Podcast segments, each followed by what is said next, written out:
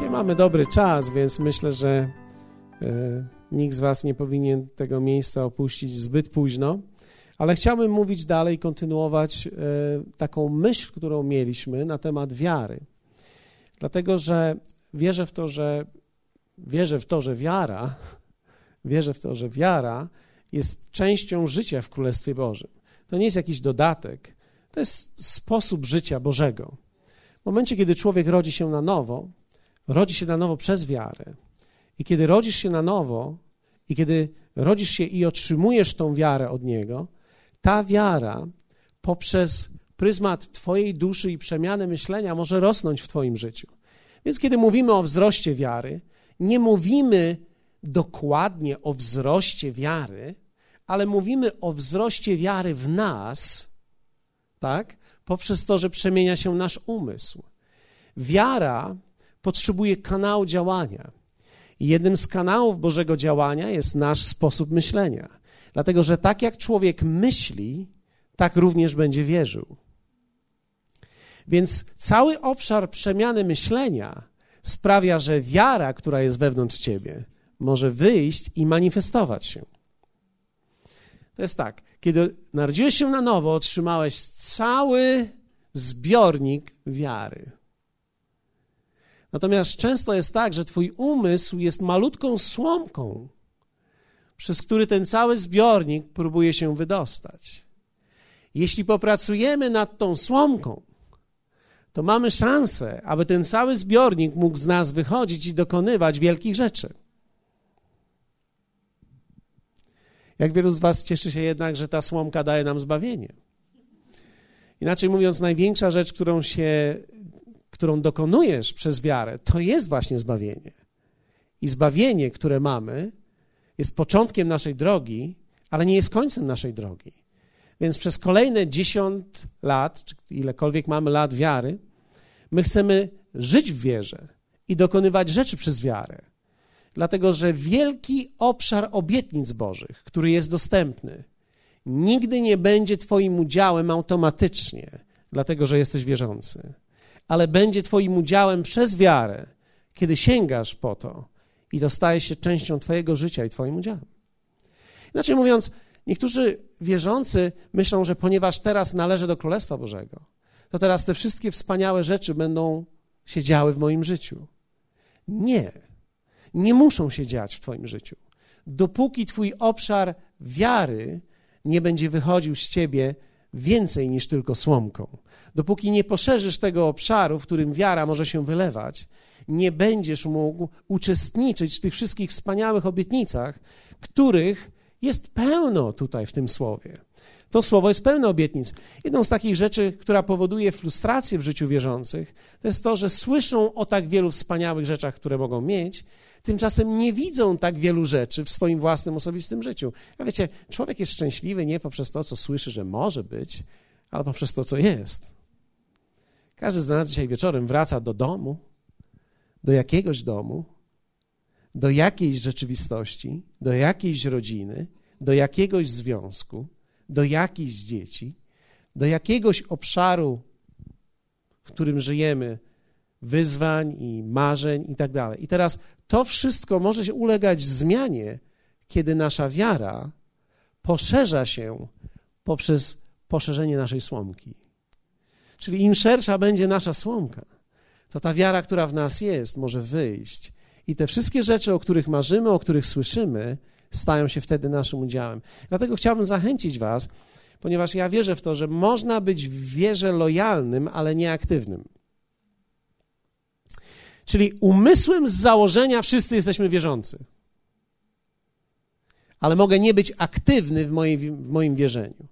Czyli z założenia wszyscy wierzą w to słowo. Ale wiara nie jest założeniem, jest czymś aktywnym. Po, każdym, po każdy z tych elementów królestwa ja muszę umieć sięgnąć.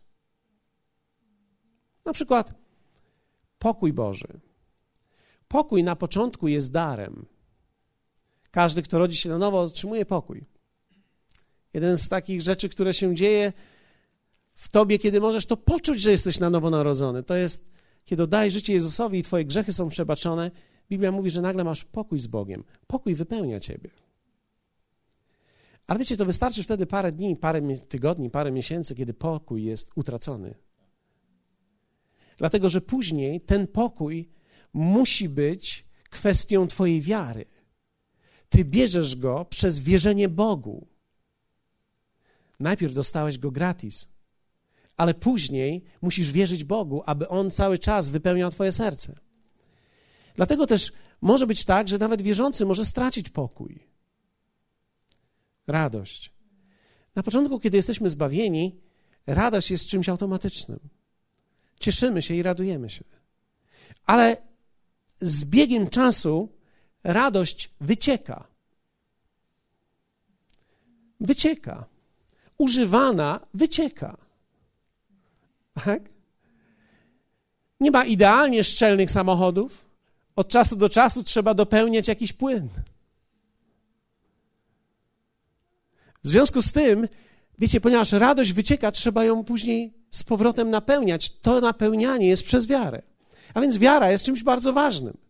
Dlatego, że im dłużej żyjemy w wierze, albo im dłużej żyjemy jako wierzący i nieaktywni jesteśmy w naszej wierze, tym gorzej wygląda nasze życie. Czy ktoś z Was widział kiedyś takiego wierzącego? Ktoś może powiedzieć, ja widziałem w lustrze. Im dłużej ja jestem wierzący, mogę czasami zaobserwować, że tak naprawdę te wszystkie rzeczy, w które sam kiedyś wierzyłem, w jaki sposób dzisiaj aktywnie już nie wierzę.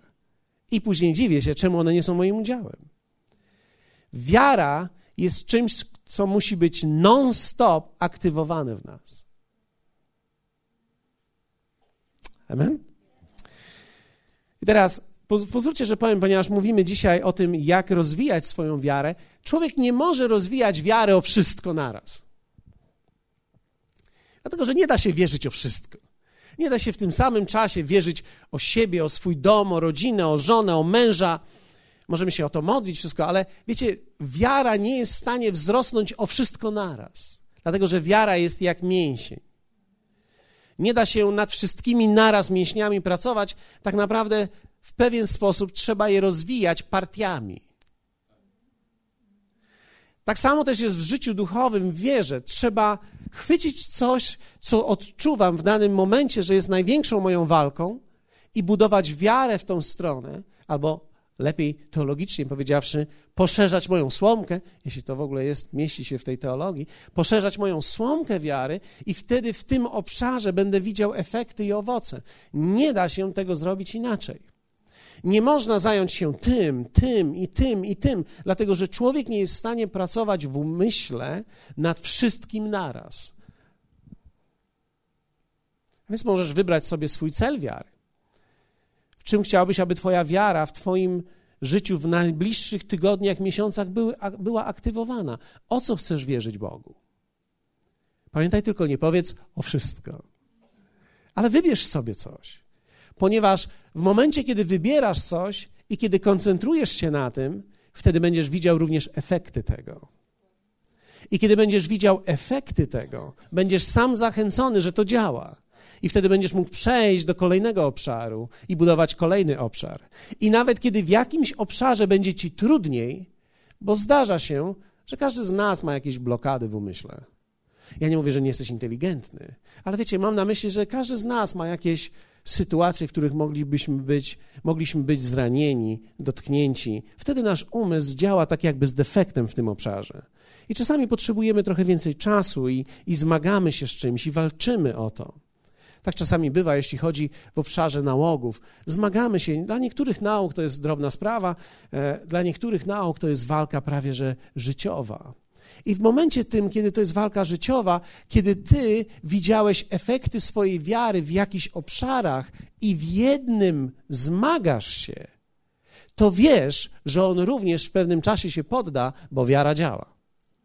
W momencie, kiedy masz jakieś obszary, w których wiara zadziałała, ona sama będzie ciebie zachęcać. Owoc wiary będzie zachęcał ciebie, abyś wierzył dalej o rzeczy, które dzisiaj jeszcze nie działają. A więc nie bierzemy naraz mnóstwo obszarów, wybierz sobie jakiś jeden lub dwa obszary, w których będziesz chciał wierzyć Bogu i budować swoją wiarę w tej dziedzinie. Wtedy, kiedy będziesz otwierał słowo, będziesz szukał tych obszarów w tym słowie. I Bóg również będzie Ciebie prowadził w swoim słowie właśnie w tych obszarach. Amen? Macie Biblię? To nam pomoże. Bo chciałbym dzisiaj troszeczkę rzucić takich myśli dla koneserów. Co prawda niewielu ich jest, ale, ale myślę, że powinniśmy wszyscy być zainteresowani, bo wszyscy jesteśmy koneserami. Wiecie, jeśli człowiek młody przychodzi w czwartek wieczorem do kościoła, to znaczy, że jest koneser. Jesteś koneserem. No, no sprawa względna. Drugi Piotra 1,19. Przeczytamy 2 Piotra 1,19 i Hebrajczyków 11,1. Spójrzcie. Apostoł Piotr mówi tak. Mamy więc. Jesteście tu? Mamy więc słowo prorockie jeszcze bardziej potwierdzone. A wy dobrze czynicie, trzymając się go niby pochodni, świecącej w ciemnym miejscu, dopóki dzień nie zaświta i nie wzejdzie jutrzenka w waszych sercach. Piękny obraz. Kiedy czyta się tak pobieżnie, nie można wejść w ten tekst, ale kiedy ktoś zatrzyma się tak, jak my to zrobimy za chwilę, w tym momencie, zobaczycie, jak niesamowite to jest. Apostoł Piotr mówi dokładnie tak. My mamy słowo, które jest potwierdzone, które jest udowodnione. I wy, czyli my, dobrze uczynimy, kiedy będziemy trzymali się tego słowa o czymś, jakieś słowa obietnicy, słowa w danej sprawie, w danej dziedzinie mojego życia, jak pochodni. Czyli chwytam się i pozwalam, aby ono mówiło do mnie głośniej niż wszystko inne, które do mnie mówi. Świecącej gdzie? W ciemnym miejscu. Czy zwróciliście uwagę, że za każdym razem, kiedy słowo przychodzi do naszego życia, wchodzi do tak jakby do ciemnego miejsca? Czyli najczęściej słowo przychodzi do nas. Zwróćcie uwagę, Bóg najszybciej chce nam pomóc w tym, w czym najmniej sobie radzimy. Bóg najszybciej chce ci pomóc w tym, w czym sobie najmniej radzisz. I słowo to przychodzi do ciebie o tej sprawie, w tej dziedzinie, w tym obszarze, i ty chwytasz się jego, a ono świeci w tym miejscu tego, tej dziedziny życia, jakby w ciemnym miejscu pochodnia. Czyli tak naprawdę wszystko jest ciemne, oprócz tego słowa. Jak wielu z Was zauważyło, że dokładnie tak to działa? Bóg daje ci pewną obietnicę, daje ci słowo na jakiś temat, i kiedy daje ci to słowo, ono pada i ono świeci, a wszystko jest ciemne. Kiedy zmagasz się w swoim małżeństwie, Bóg będzie mówił do ciebie o relacji, o miłości, i to słowo pada na grunt Twojego życia i ono świeci, a wszystko nie. Wszystko jest ciemne, ono tylko świeci. Ale apostoł Piotr mówi: To żaden problem, trzymaj się tego słowa jak pochodni, dobrze uczynisz, kiedy się uchwycisz tego słowa. Dopóki dzień nie zaświta. Czyli w momencie, kiedy słowo przychodzi, jest ono jakby pochodnią. Tutaj jest oczywiście obraz, niektórzy zastanawiali się, o czym tutaj jest mowa. Tu jest mowa o jutrzence albo o gwieździe, która zapowiada nowy dzień. Kiedy spojrzycie w Wikipedię, możecie zobaczyć, że to jest mowa o gwieździe Wenus, która najczęściej zapowiada, świeci najjaśniej w ciągu nocy i w pewnym momencie pojawia się, zapowiadając, że nowy dzień nadchodzi. Wenus odbija słońce. To oznacza, że słońce dalej świeci, nawet gdy jest ciemno. I kiedy słońce świeci, a jest ciemno, ono świeci dla ciebie, abyś wiedział, że dzień nadchodzi. Czyli w momencie, kiedy ty dostajesz słowo w zmagającym się obszarze twojego życia, to słowo jest jak jutrzenka, które mówi, że słońce nadchodzi i że kiedy się uchwycisz tego słowa i będziesz je pielęgnował, to ono najpierw rozjaśni mrok Twojego serca. Czyli najpierw jasność powstanie wewnątrz Ciebie. Biblia nazywa to w liście do Hebrajczyków pewnością.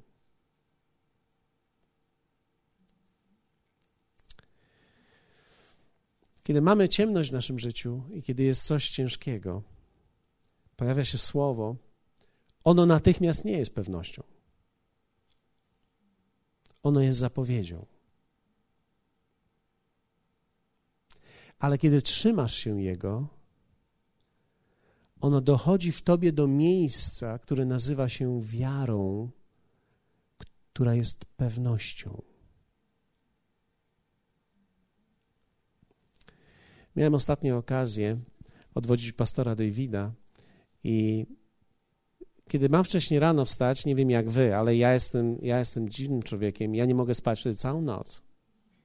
Jak wiem, że mam wstać za 15 piąta, ja już nie śpię. Nie śpię całą noc. Wstałem i co, co, pół, co dwie godziny, co półtorej godziny budzę się, sprawdzając, czy to już jest ten moment. Nie, nie wiem, czy ty jesteś taki, ja jestem taki, ja nie ufam ani żadnej komórce, ani jakiemuś budzikowi. Myślę, że to wszystko mnie zawiedzie i że zaśpię. Wiecie, więc budziłem się o pierwszej, obudziłem się o drugiej, wstałem. W moim wieku często się wstaje. Wstałem, spojrzałem przez okno i patrzę, jakie piękna gwiazda świeci. Później zobaczyłem, że ta gwiazda świeci, położyłem się spać, wstałem o godzinie trzeciej. Spojrzałem przez okno i widzę, że ta gwiazda cały czas świeci. O godzinie za 15 piąta wyruszyłem, żeby się nie spóźnić. Nie wiem, czy wy jesteście tacy, ale ja miałem na 20 po piątej być w jakimś miejscu. Za 15 piąta wyjechałem, a za 15 piąta nie ma tłoku na mieście. Rano, rano, nie ma tłoku na mieście, gwarantuję wam. Więc wyjechałem i tak sobie troszkę krążyłem, patrzyłem, było tak pięknie i widziałem, jak słońce wychodzi. Nie był to jeszcze prawdziwy wschód, ale już można było widać, widzieć tą jutrzenkę. To było niesamowite. I kiedy jechaliśmy już, około godziny 5.30 rano, można było poczuć już, jak ten cały dzień powstaje. Wiecie, jest coś pięknego w poranku. Ale ponieważ czytałem ten drugi Piotra, pomyślałem sobie, dokładnie tak jest z naszym życiem. Bóg przychodzi do nas, chce, abym wierzył, i w najtrudniejszym obszarze mojego życia posyła do mnie słowo. I to słowo na początku nie jest pewnością. Ono na początku jest zapowiedzią. W pewnym sensie list do Hebrajczyków mówi o pewnej ewolucji, która się dzieje w nas, słowa. Ten tekst mówi, a wiara jest pewnością tego, czego się spodziewamy, przeświadczeniem o tym, czego nie widzimy. Zobaczcie, wiara jest czym? Pewnością. I tutaj tego, czego się spodziewamy, więc pewnego rodzaju oczekiwanie budzi w nas. I jest pewnego rodzaju przeświadczeniem, czyli pewnym takim newsem, który do nas przychodzi. Więc tak działa słowo. Przychodzi news, przychodzi pewna wiadomość, zapowiada nam coś, przeświadcza nas o czymś, rodzi w nas oczekiwanie i dochodzi do miejsca pewności. I to opisuje apostoł Piotr, mówiąc, że właśnie w tym momencie jesteśmy pewni i że ta jutrzenka świeci wewnątrz nas. I że dobrze uczynicie, kiedy się tego słowa uchwycicie. Więc jaka jest moja rada dla ludzi, którzy mają problem z czymś? Czy znasz słowo, które jest odpowiedzią na ten problem? Jeśli znasz słowo, z tego słowa, które jest odpowiedzią na Twój problem, i uchwycisz się go, i pozwolisz, aby ono w Tobie ewaluowało od miejsca przeświadczenia, Od miejsca przeświadczenia do spodziewania się, aż do miejsca pewności, nagle ono zajaśnieje wewnątrz ciebie. I będzie świecić. Jak ktoś może powiedzieć, no i co, jak ja już będę świecił cały w środku? Bardzo dobrze, że zapytałeś mnie. Dlatego, że w momencie, kiedy dojdziesz do pewności wewnątrz siebie, będziesz widział, jak to się manifestuje na zewnątrz ciebie. Bo wiara jest pewnością wewnątrz. I wtedy dopiero manifestuje się na zewnątrz. Wiarą nie jest dobrze by było, żeby było. Wiara jest wtedy, kiedy wiem, że wiem, że wiem. Nie dobrze by było, żeby było. To jest nadzieja. Nadzieja jest piękna, nadzieja jest początkiem, nadzieja jest tym takim malutkim sygnałem, że coś może się stać, ale to nie jest wiara. Nadzieja nie może poruszyć Twojej rzeczywistości, tylko wiara. A wiara, aby poruszyła Twoją rzeczywistość, musi stać się w Tobie tą pewnością. Hallelujah. Wiara rozwija się dokładnie tak samo jak nowo poczęty człowiek. To jest nasienie słowa, pada na właściwy grunt i jeśli to będzie chronione i pielęgnowane, kiedy będziemy tego trzymali się, wtedy ono wyda owoc, którym jest dojrzały człowiek czyniący wolę Bożą. A więc kiedy mówimy o wierze, to mówimy tak naprawdę o dwóch elementach. O słowie, które zawsze jest od Boga, i o glebie, czyli o podłoży Twojego serca i Twojej duszy. Kiedy ta kombinacja prawidłowa następuje, czyli kiedy następuje słowo od Boga, kiedy jest wysyłane do Ciebie i jest właściwa gleba, to czyni wiarę. Jest możliwość dojścia do wiary, czyli do pewności, która zmienia Twoją rzeczywistość wokół Ciebie. Dlatego ja wierzę w to, że każdy człowiek, który ma wiarę i ma wiarę trwającą, będzie widział zmianę w obszarze swojej wiary. Jeśli człowiek wierzy o finanse, przyjdzie taki moment, że będzie miał przełom za przełomem. Przyjdzie taki moment, że będzie płynął w wierze, że wypracuje ten mięsień. To nie będzie moment, że dojdzie do miejsca, w którym nie będzie potrzeb. Zawsze będziemy mieli potrzeby. Ale dojdzie do miejsca, w którym nigdy nie będzie się już bał, bo będzie wiedział, że to działa. Jesteście ze mną? Więc teraz załóżmy, że jesteś wierzący. I załóżmy, że słyszysz słowo od Boga w danej dziedzinie, w której się zmagasz. Więc nagle słowo przychodzi do ciebie. Jedyna rzecz, którą teraz ty możesz zrobić, to jest pracować nad swoją glebą, glebą swojego serca. Dlaczego mówię załóżmy? Dlatego, że niewierzący człowiek nie może słyszeć wewnątrz słowa od Boga i nie może go pochwycić. Potrzebuje być człowiek nawrócony i zrodzony z Boga, aby pochwycić słowo, inaczej nie może tego zrobić. Dlatego ludzie, którzy nie są nawróceni, odrodzeni z Boga, nie mogą żyć wiarą, która jest Boża.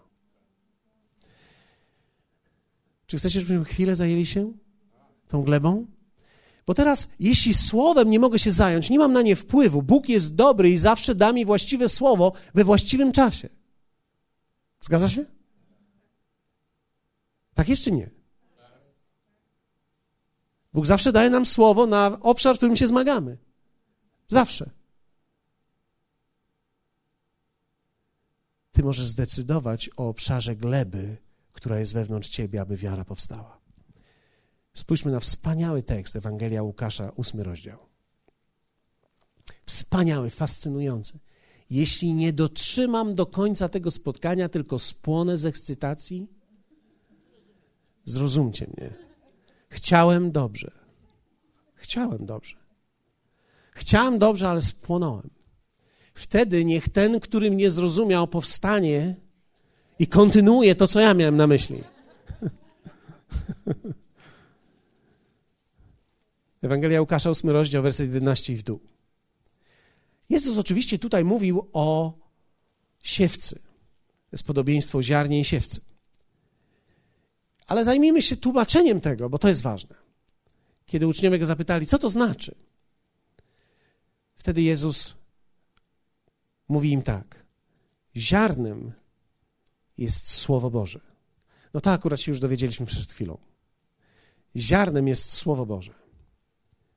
A tymi na drodze są ci, którzy wys wysłuchali, potem przychodzi diabeł i wybiera słowo z serca ich, aby nie uwierzyli i nie byli zbawieni.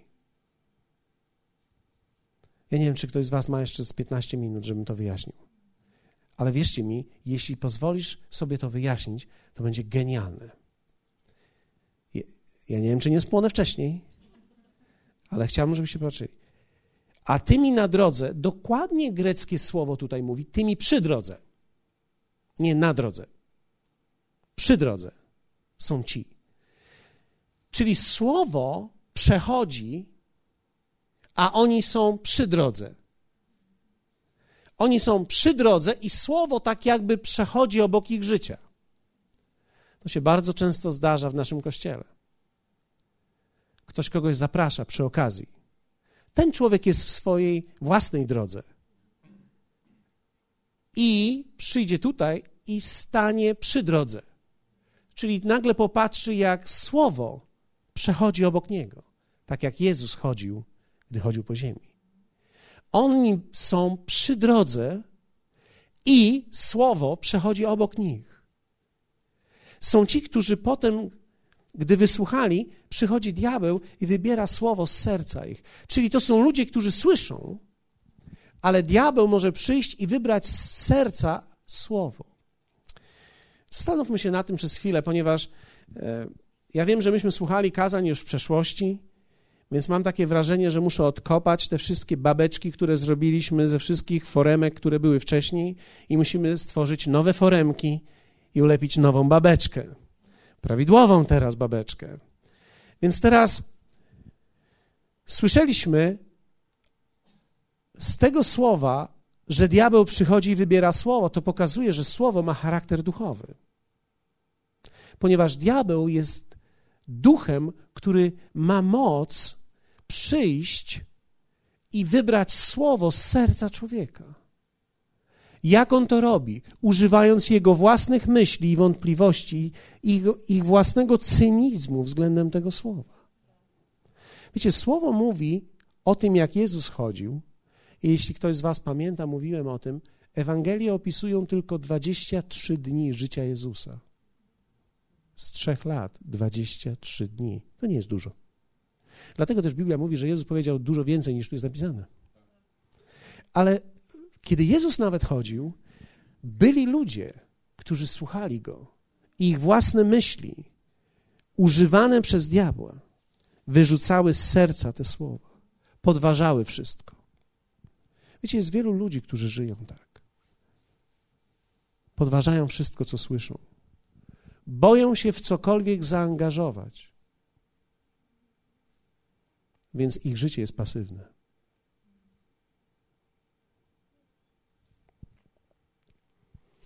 Są ci, którzy wysłuchali, potem przychodzi diabeł, wybiera słowo z serca ich, aby nie uwierzyli i nie byli zbawieni. Wiecie, aby nie uwierzyli. Dlaczego? Bo diabeł wie, że największą wartość, jaką masz w życiu, to jest słowo.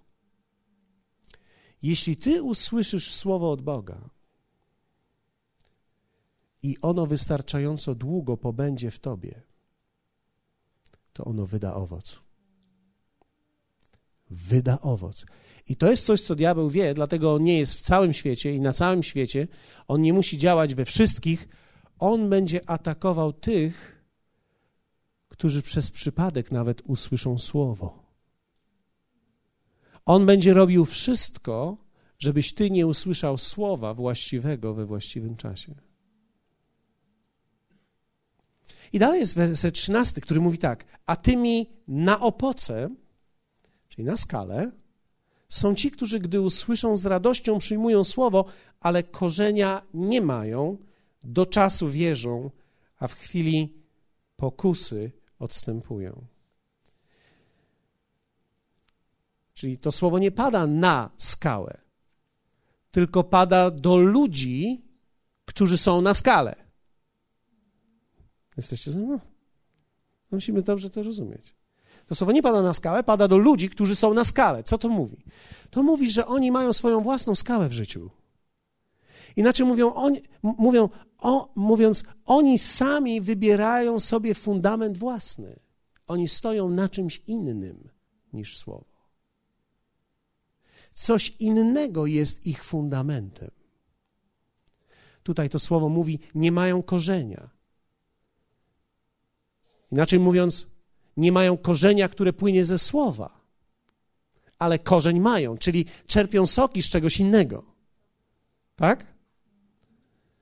Teraz spójrzcie dalej. A to, które padło między ciernie, oznacza tych, którzy usłyszeli, ale idąc drogą wśród trosk, bogactw i rozkoszy życia, ulegają przyduszeniu i nie dochodzą do dojrzałości.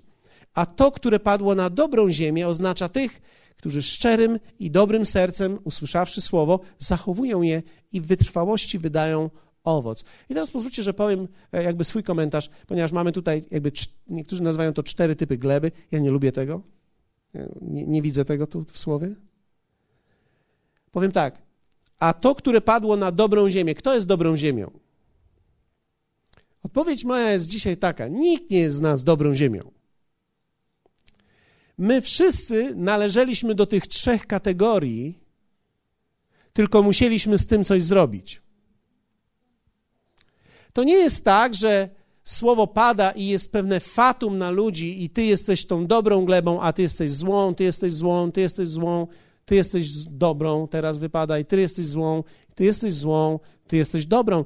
To nie jest fatum, to jest to, że kto z nas miał dobre i szczere serce od początku? Nikt. My wszyscy, wszyscy, Biblia mówi o tym, wszyscy zgrzeszyli, pozbawieni są chwały Bożej. Wszyscy byliśmy kłamcami, oszustami. Po pierwsze, okłamywaliśmy się sami. I w tym byliśmy dobrzy. W tym byliśmy najlepsi. Oszukiwaliśmy siebie sami i wierzyliśmy w swoje własne kłamstwa, aż przyszedł król światłości do naszego życia. I teraz my byliśmy być może którąś z tych trzech rodzajów gleb, tylko wiecie, to słowo nie mówi o tym. Jezus nigdy by nie dał takiego czegoś, takiego słowa, mówiąc do nas: A teraz na ciebie padło dobrze, na ciebie padło niedobrze. Tylko powiedział nam to, abyśmy wiedzieli, że my coś z tą glebą zrobić możemy. I to jest niesamowite. Niesamowite jest to, że mam wpływ na to, jaką glebą będę i jakie rzeczy wydadzą owoc w moim życiu. To nie jest fatum. Mogę kształtować moją glebę, mój ogród. Dla małych, dla mniejszej grupy koneserów chciałbym, żebyście podkreślili sobie Biblię, jeśli to robicie. Werset 12 mówi a tymi, werset 13 mówi a tymi, a werset 14 mówi a to i werset 15 mówi a to. Pomyślcie o tym w domu, co to oznacza. Jest to fenomenalne, fascynujące. Co Jezus chciał mi powiedzieć, dając mi to słowo? Jeśli teraz On daje mi słowo w moim problemie, tak? Mam problem w życiu, On daje mi słowo i teraz ja mogę pracować nad moją glebą, aby ona wydała owoc, ponieważ tutaj największa rzecz jest, usłyszawszy sercem słowo, zachowują je i w wytrwałości wydają owoc. Jaki jest owoc? Szczęśliwy dom. A zacznijmy wcześniej. Sam się do siebie uśmiechasz. Sam masz pokój w sercu. Najpierw Twoja pobożność pomoże Tobie. Jesteś uleczony od trosk, jesteś wolny od paniki życia, jesteś wolny od strasznej zazdrości. Wiecie, ja jestem zazdrosny moją żonę, ale nie aż do końca, tak do końca, nie? Nie jestem aż tak pazerny? Nie, nie. Nie, nie ma we mnie czegoś takiego, że teraz chodzę na nią, prześladuję ją, sprawdzam telefonami, gdzie jesteś, co robisz. Dlaczego? Ponieważ ona nie jest źródłem mojego życia, Bóg jest źródłem mojego życia. Hallelujah. Ja nie boję się, że ją stracę, dlatego że jeśli to jest dar od Boga, to ja nie muszę na nią nakładać mojej smyczy. Jeśli, jeśli ktoś jest darem dla ciebie, nie musisz go przywiązywać. Okej. Okay. Taką małą re refleksję miałem, kiedy pomyślałem sobie o mojej żonie. Mam nadzieję, że to komuś pomoże. Ale wiecie, to dokładnie, to leczy ciebie, ale to leczy później ludzi, leczy twój dom. Ja nie wiem, czy ja się starzeję już, czy co, ale w nocy się budzę, patrzę na moją żonę, ona ma otwarte oczy, patrzy na mnie. Ja nie wiem, o co jej chodzi. Powinienem wiedzieć, ale nie wiem. I tak ją głaszczę wtedy i mówię, spokojnie, spokojnie, nie denerwuj się. Ona się śmieje wtedy, ponieważ żartujemy sobie. Wiecie, nawet budzisz się w nocy, patrzysz i możesz żartować. Patrzysz, no, żartujesz. Wiecie, powiem wam szczerze, pobożność ta, to jest piękne. Ona nie jest dla kościoła. Ona wchodzi do sypialni.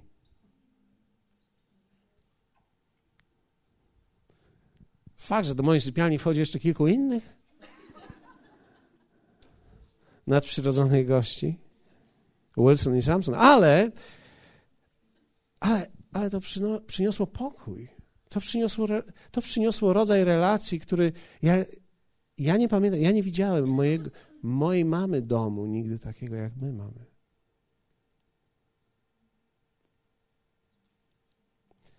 Mało tego, to sprawiło, że tak mi się wydaje, że mamy całkiem normalne dzieci. Znaczy są dni, których tak nie myślę. Ale teraz ze względów na głoszenie myślę tak. Są całkiem normalne. Są całkiem normalne. Myślę sobie, znalazły Jezusa, mają pasję za Nim, chcą Jemu służyć, kochają Go. Myślę sobie, to jest genialne. Mogę spłonąć i nie ma straty.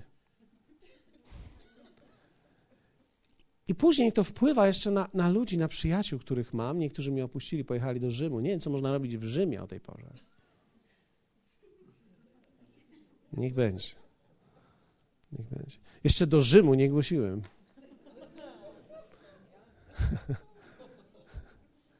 Rzymianie. Mogę kształtować moją glebę życia. I ona zmieni to wszystko. To prawdopodobnie zmieniło paru przyjaciół, którzy są wokół mnie. Wiecie, to zmieniło również moją, moje finanse. nie, nie martwię się o nic w moim życiu. Ja, ja już nie mogę być biedny, nigdy nie umrę biedny. Nawet jak ten kościół nie podpisze ze mną kontraktu na następny rok, to w dalszym ciągu będzie ze mną ok. Ktoś może powiedzieć, co będziesz robił? Nie wiem. Widzisz, na tym to polega, że ja nie muszę wiedzieć, ponieważ wiem, że Bóg zatroszczy się o mnie. Dlatego nie zależę bezpośrednio od ludzi. Ja chcę służyć ludziom. A więc, wiecie, to, to, jest, to jest wiele spokoju do, do głowy wchodzi, naprawdę wiele spokoju do głowy wchodzi. To zmienia Twoje życie. Wiara, która przychodzi ze słowa i łączy się z glebą serca, jest czymś genialnym. Ona działa. Powiedzmy razem, to działa. Możesz kształtować. I o czym tutaj jest mowa? Tymi na drodze albo przy drodze. Jezus mówi tu o relacjach. Możesz kształtować swoje relacje. Twoje relacje wpłyną na Twój wzrost wiary. I teraz pozwólcie, kiedy powiem, możesz kształtować swoje relacje, to powiem tak. Nie opuszczaj swoich niewierzących przyjaciół. Nie opuszczaj ich. Bądź z nimi. Dołącz tylko do swojego grona przyjaciół ludzi wierzących. Zrób wszystko, żeby włączyć ich w swoje życie. W Ewangelii Łukasza w pierwszym rozdziale, taki niemodny wśród protestantów tekst, ale e, pierwszy rozdział, werset 38, 30, 47 czytamy tak. Rzekła Maria, oto ja, służebnica pańska, do anioła powiedziała to. Niech mi się stanie według słowa Twego i anioł odszedł od niej. Dokładnie to się stało. Słowo przyszło od anioła padło na właściwy moment w jej życiu, właściwa odpowiedź przyszła od niej, niech mi się stanie według słowa Twego, i nagle się coś poczęło. Tak? My wiemy, kto się począł. I werset 39 mówi tak, a Maria wybrała się w onych dniach, ty możesz się w swoich dniach, a ona w onych dniach w drogę i udała się śpiesznie do górskiej krainy, do miasta judzkiego i weszła do domu Zachariasza i pozdrowiła Elżbietę. Musicie pamiętać o tym, że Elżbieta była już wtedy w ciąży, również cudem. Inaczej mówiąc, kiedy ty przeżyłeś swój cud, powinieneś być z ludźmi, którzy wcześniej również mieli cud. Dlatego, że ci, którzy wcześniej doświadczyli cudu, zrozumieją ciebie. I zobaczcie, co się dzieje. Weszła do domu Zachariasza, pozdrowiła Elżbietę, a gdy Elżbieta usłyszała pozdrowienie Marii, poruszyło się dzieciątko w jej łonie i Elżbieta napełniona została Duchem Świętym. I zawołała po cichutku. Błogosławionaś Ty między niewiastami i błogosławiony owoc żywota Twego. A skądże mi to, że matka mojego Pana przyszła do mnie? Zobaczcie, ludzie, którzy mieli cud, nagle mają objawienie. On się jeszcze nie urodził, ona wie, to jest matka mojego Pana. Bo oto, gdy dotarł do uszu moich głos pozdrowienia Twego, poruszyło się z radości dzieciątko w moim łonie. Inaczej mówiąc, kiedy Ty wypowiadasz słowo, kiedy Ty mówisz swoją wiarę, to to porusza cud, który ja mam w sobie. Potrzebujesz ludzi, którzy mówią wiarą w Twoim życiu, którzy poruszają wewnątrz Ciebie to, co jest w Tobie cudem. Dlatego, kiedy przychodzimy do kościoła, prawdopodobnie, kiedy jesteśmy otwarci, słyszymy pozdrowienie. I to porusza coś w naszym wnętrzu. Jeśli miejsce, do którego chodzisz, nie porusza nic w Twoim wnętrzu, to albo Ty nie masz nic w sobie, albo pozdrowienie jest nieadekwatne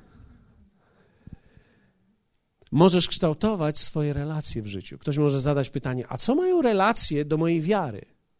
Bardzo wiele. Relacje nie tylko z ludźmi, ale również relacje z myślami. Wiecie, że są filozofie różne. Jaka jest nagle relacja moja z różnymi filozofiami, opiniami ludzi? Ktoś może słyszy słowa w kościele, idzie do domu i opowiada o tym komuś, i ktoś nagle kto nie był, nie słyszał, nie wie, mało, nie wierzy, wyraża swoją opinię na ten temat, co słyszałeś. I ktoś ci może powiedzieć, i co? I znowu powiesz, że fajnie było, tak? A ty już się wstydzisz, że było fajnie, że coś cię poruszyło, bo widzisz, to nie jest twoja Elżbieta. To prawdopodobnie, może ma na imię Elżbieta, jeśli tak jest, okej, okay. ale to nie jest Twoja Elżbieta. Ty musisz znaleźć swoją Elżbietę, aby dzielić się właściwymi rzeczami z właściwymi ludźmi. Ponieważ właściwi ludzie będą rozumieć słowo wiary, będą wzmacniać Twoją wiarę i pomogą Tobie w niesieniu Twojego cudu. Wiecie, kiedy matka, kiedy kobieta zachodzi w ciążę, automatycznie ochrania swoje dziecko. Bardzo często zaczyna w jakiś podświadomy sposób ręce trzymać w tym miejscu. Ochrania je. Dlaczego? Ponieważ podświadomie ochraniamy to, co poczęliśmy. I kiedy człowiek ma słowo, które otrzymał, obietnicę, czekasz na coś, musisz się jej chwycić. Ona musi być przez ciebie pielęgnowana i ochraniana, aż do momentu, kiedy wzejdzie światło i będzie pewność, i będzie manifestacja tej wiary i otrzymasz to, w co wierzysz. Więc chronimy swoje relacje. Drugie, musisz i masz wpływ na swoje wartości. Zobaczcie, tutaj ludzie byli tacy, którzy byli na opoce, na swojej własnej skale stali. I na tym mogę również nad tym mogę również pracować i kształtować mogę również tą część mojego życia. Na czym buduję moje życie? Co jest Twoją skałą? Masz na to wpływ. Kariera zawodowa? To jest wszystko, o czym mówię, to jest wszystko, o czym śpiewam, to jest wszystko, o czym myślę. Wiecie, ja wierzę w karierę zawodową. Myślę, że Bóg daje nam talenty, abyśmy je używali i budowali nasze życie, innych ludzi i Królestwo Boże. Ale to nie może być obsesją, to musi być pasją. Jesteście ze mną? Dlatego, że jeśli cokolwiek będzie w Twoim życiu inną skałą niż prawdziwa skała, którą On jest, wszystko, co przyjdzie od Niego, zakwitnie na moment i odejdzie.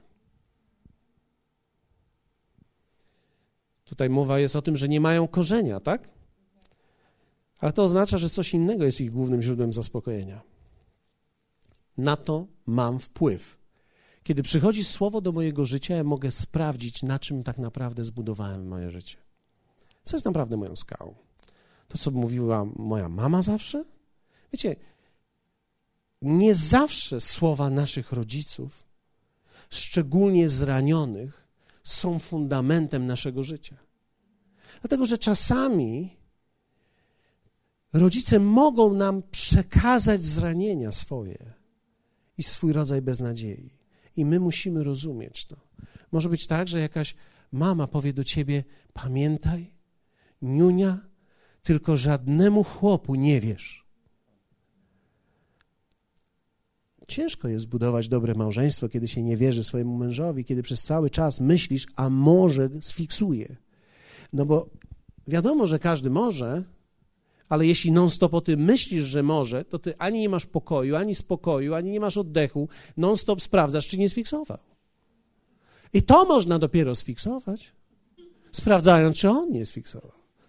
Więc nagle coś, co teoretycznie było doświadczeniem Twojej mamy, stało się Twoją opinią, Twoją skałą, na tym budujesz swoje życie. Jej zranienie jest fundamentem Twoim, abyś Ty nigdy nie była zraniona i może nigdy nie będziesz zraniona, ale nigdy też nie będziesz szczęśliwa.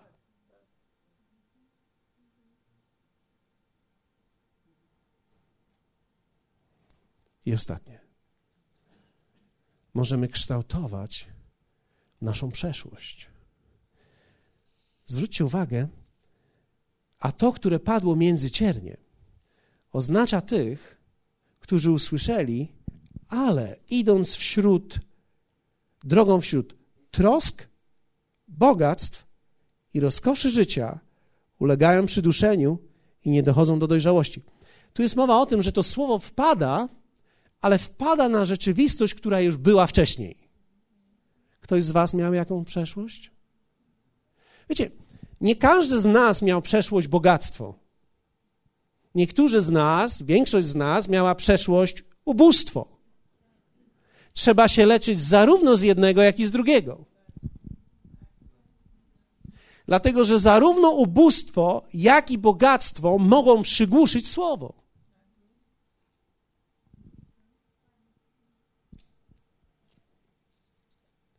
Twój wyrobiony kształt wewnętrzny na dany temat, poglądy mogą być przeszkodą. Mamy tutaj słowo troska, bogactwo, rozkosze życia. Powiedzmy o tym razem.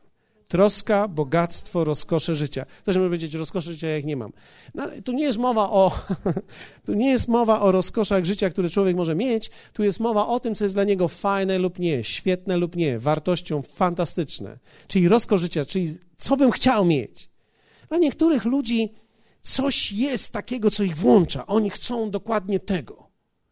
Na przykład musimy do Rzymu pojechać, prawda, bo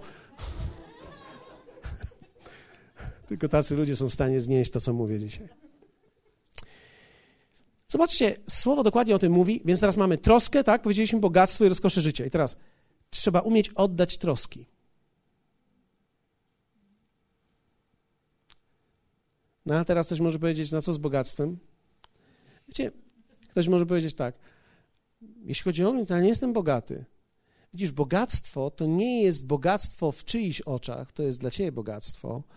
I w pewnym sensie jest tak, że nie, żaden człowiek, prawie żaden człowiek nie myśli o sobie, że jest bogaty, bo zawsze kogoś zna kogoś, kto jeszcze jest bardziej bogaty. Więc najczęściej porównujemy się z tym, kto ma więcej niż my, więc my myślimy, że jesteśmy szarakami. Ale widzisz, jeśli porównasz się z ludzkością, która żyje w tym momencie, w tej sekundzie, na tej globie, Wszyscy, którzy tu jesteście, w ubranku Chanel albo kubus, sweterek Manhattan City. Nie ma znaczenia. Wszyscy jesteście kilkadziesiąt razy wyżej niż większość ludzkości na tym świecie. Ja wiem, że ty się zastanawiasz, że skąd ja wezmę teraz na nowe auto? To jest twój wielki problem, on cię opanował, masz obsesję, ja rozumiem. Ale wierz mi, są ludzie dzisiaj, większość ludzi dzisiaj myśli o tym, jak dożyje do jutra bez jedzenia. Więc jeśli mielibyśmy być szczerzy, to każdy z nas musi sobie powiedzieć: Jestem bogaty. Ja nie, nie pytam się, jak się czujesz.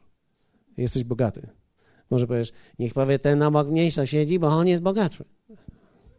Nie, nie, jesteś bogaty. Jest tylko jeden sposób, żeby pozbyć się bogactwa i problemu z bogactwem. Chcecie usłyszeć? Nie, nie chcecie tego, ale i tak powiem. Tego to akurat nie chcieliście. to wiem na pewno. Bo ja sam nie chciałem, jak to zobaczyłem. Jezus ma tylko jedną radę dla wszystkich nas. Jest tak. Sprzedać wszystko i rozdać ubogim. Poczekajcie, poczekajcie chwilę. Nie wyłączajcie się jeszcze. Bo to nie koniec jest. Wszyscy muszą to zrobić. Sprzedać wszystko i rozdać ubogim. Co to znaczy? Co znaczy sprzedać wszystko? Ty musisz w sobie zamienić wartość. Ty musisz wewnątrz siebie to sprzedać. Kupić wewnątrz siebie coś, co jest bardziej wartościowe niż to. Transakcja nie jest na zewnątrz. Ta transakcja jest wewnątrz. Trzeba wewnątrz siebie to umieć sprzedać. Ktoś może powiedzieć, na co to znaczy rozdać ubogim? Rozdać ubogim oznacza podzielić się z nimi, jak to się robi, i zaczerpnąć radość z innych rzeczy. Jeśli ja coś mam, to muszę to umieć wewnątrz siebie zamienić na inną wartość i sprzedać. I tych, którzy są wokół mnie, nauczyć, jak to posiąść, żeby to nie posiadło ich.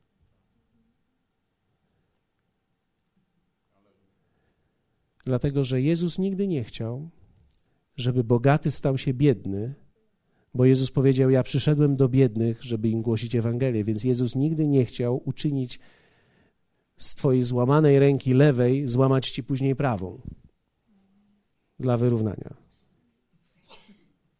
On nie chciał najpierw mieć problem z Tobą jako bogatym, a później zrobić Cię biednym i znowu mieć z Tobą problem.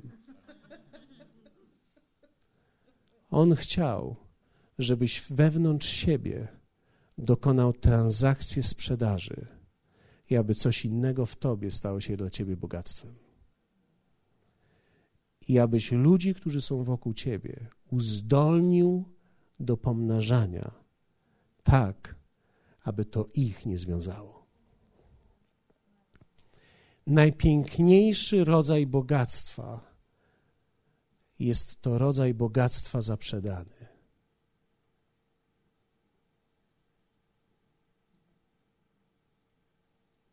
Ktoś może powiedzieć, jak to wygląda. 18 lat temu miałem taką sytuację, że pojechałem do pewnego małżeństwa, gdzie po raz pierwszy w życiu widziałem, jak mieszkają w zamku.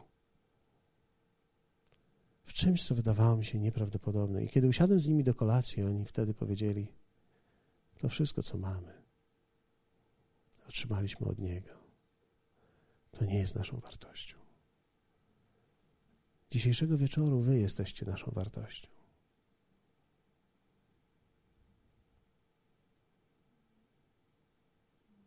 Ja tego wtedy nie rozumiałem, ale dzisiaj to rozumiem. Pojechali do jakiegoś kraju i znaleźli kogoś, kto nic nie miał. pomogli mu zobaczyć, co może być. I uwierzyli w niego. I powiedzieli, że może to mieć. Jedna z największych rzeczy, którą możesz dać innym ludziom, to jest powiedzieć im, że wierzysz w nich i że oni też czegoś mogą dokonać. To jest zaprzedane bogactwo. Wszyscy, my wszyscy musimy umieć sprzedać, dokonać transakcji wewnątrz i rozdać ubogim, pomóc ludziom wokół nas. Aby wiedzieli, jak to zrobić, aby ich to nigdy nie posiadło. I ostatnie. Powiedziałem bogactwo, powiedziałem troski i rozkosze życia. Popatrzmy na te rozkosze, bo tak jakoś się nie rozkosznie zrobiło, o tych pieniądzach zacząłem mówić. Co jest prawdziwą rozkoszą? Na przykład zamiast idziemy na piwko, niektórych włącza ludzi piwko. Idziemy na piwko. To na przykład idziemy na spotkanie. Większość ludzi, jak miałoby zestawić te dwie rzeczy, większość ludzi, miało to zostawić, zestawić te dwie rzeczy i porównać poziom ekscytacji wydzielanych soków wewnątrz człowieka w jego mózgu, gdy słyszy jedno: idziemy na piwko albo idziemy na spotkanie. A jednak Dawid mówi: Uradowałem się, gdy mi powiedziano: Pójdziemy do domu Pana. Dawid potrafił coś uczynić nową wartością w swoim życiu. Wiecie, ja zawsze myślałem sobie tak. Jeśli mam być pastorem, to chciałbym być pastorem kościoła, do którego ludzie chcą przychodzić, a nie muszą. Najgorsza jest rzecz nawet, gdy przychodzą, bo muszą. Toż to się. Halleluja. Bo wiecie, jeśli dom Boży jest dla nas, a niedziela jest, trzeba pójść, to już jest pozamiatane. To jeśli jesteśmy w takim stanie, to słowo pada na tą glebę, gdzie my mamy inne wartości, mamy to coś, co się nazywa inne rozkosze życia i musimy z nich zrezygnować żeby pójść do kościoła. Okropne. Okropne. Dawid mówi na przykład: Jeden dzień w przedsionkach Twoich lepszy jest niż innych tysiące. Innymi słowy, Dawid mówi: Gdy wielbię Ciebie i jestem z Tobą, to jeśli mam to porównać do innych dni, gdzie wojuję, baraszkuję z Betrzebą, z czym miał jeszcze porównać? No musiał czymś porównywać, prawda? Jesteście ze mną? To ten jeden dzień jest lepszy niż innych tysiące.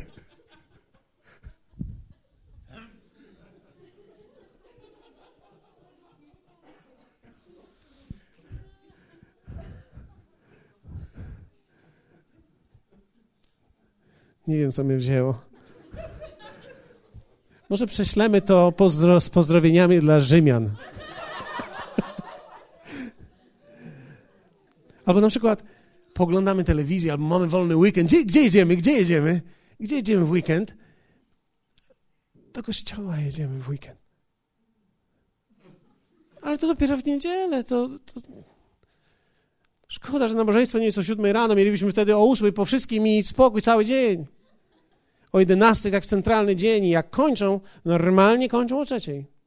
Znaczy mówię tu o tych, którzy ostatnią kawę dopijają.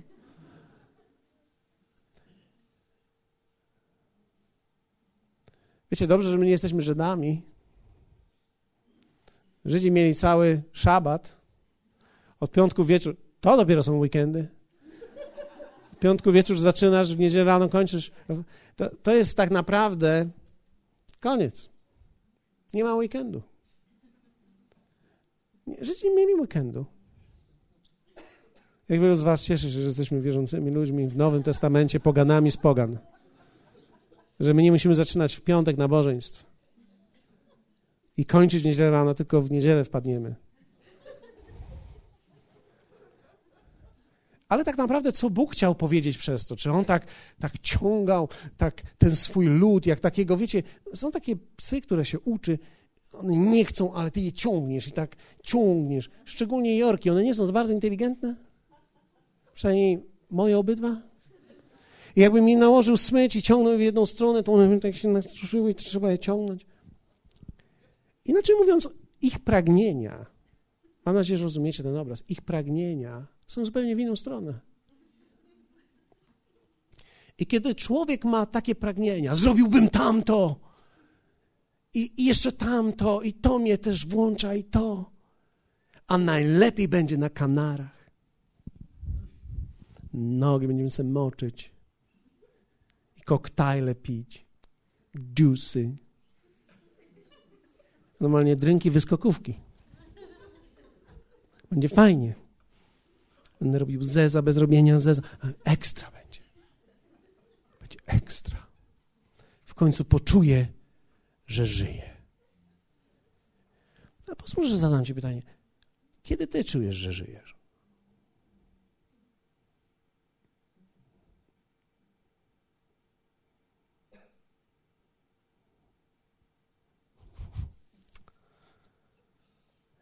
Widzicie, że te wszystkie rzeczy możemy kształtować? To jest fantastyczne. Tak mogę kształtować swoje serce, że moje życie przyniesie owoc słowa. Obfitość, zdrowie, Boży rodzaj życia i życie pełne pokoju i radości.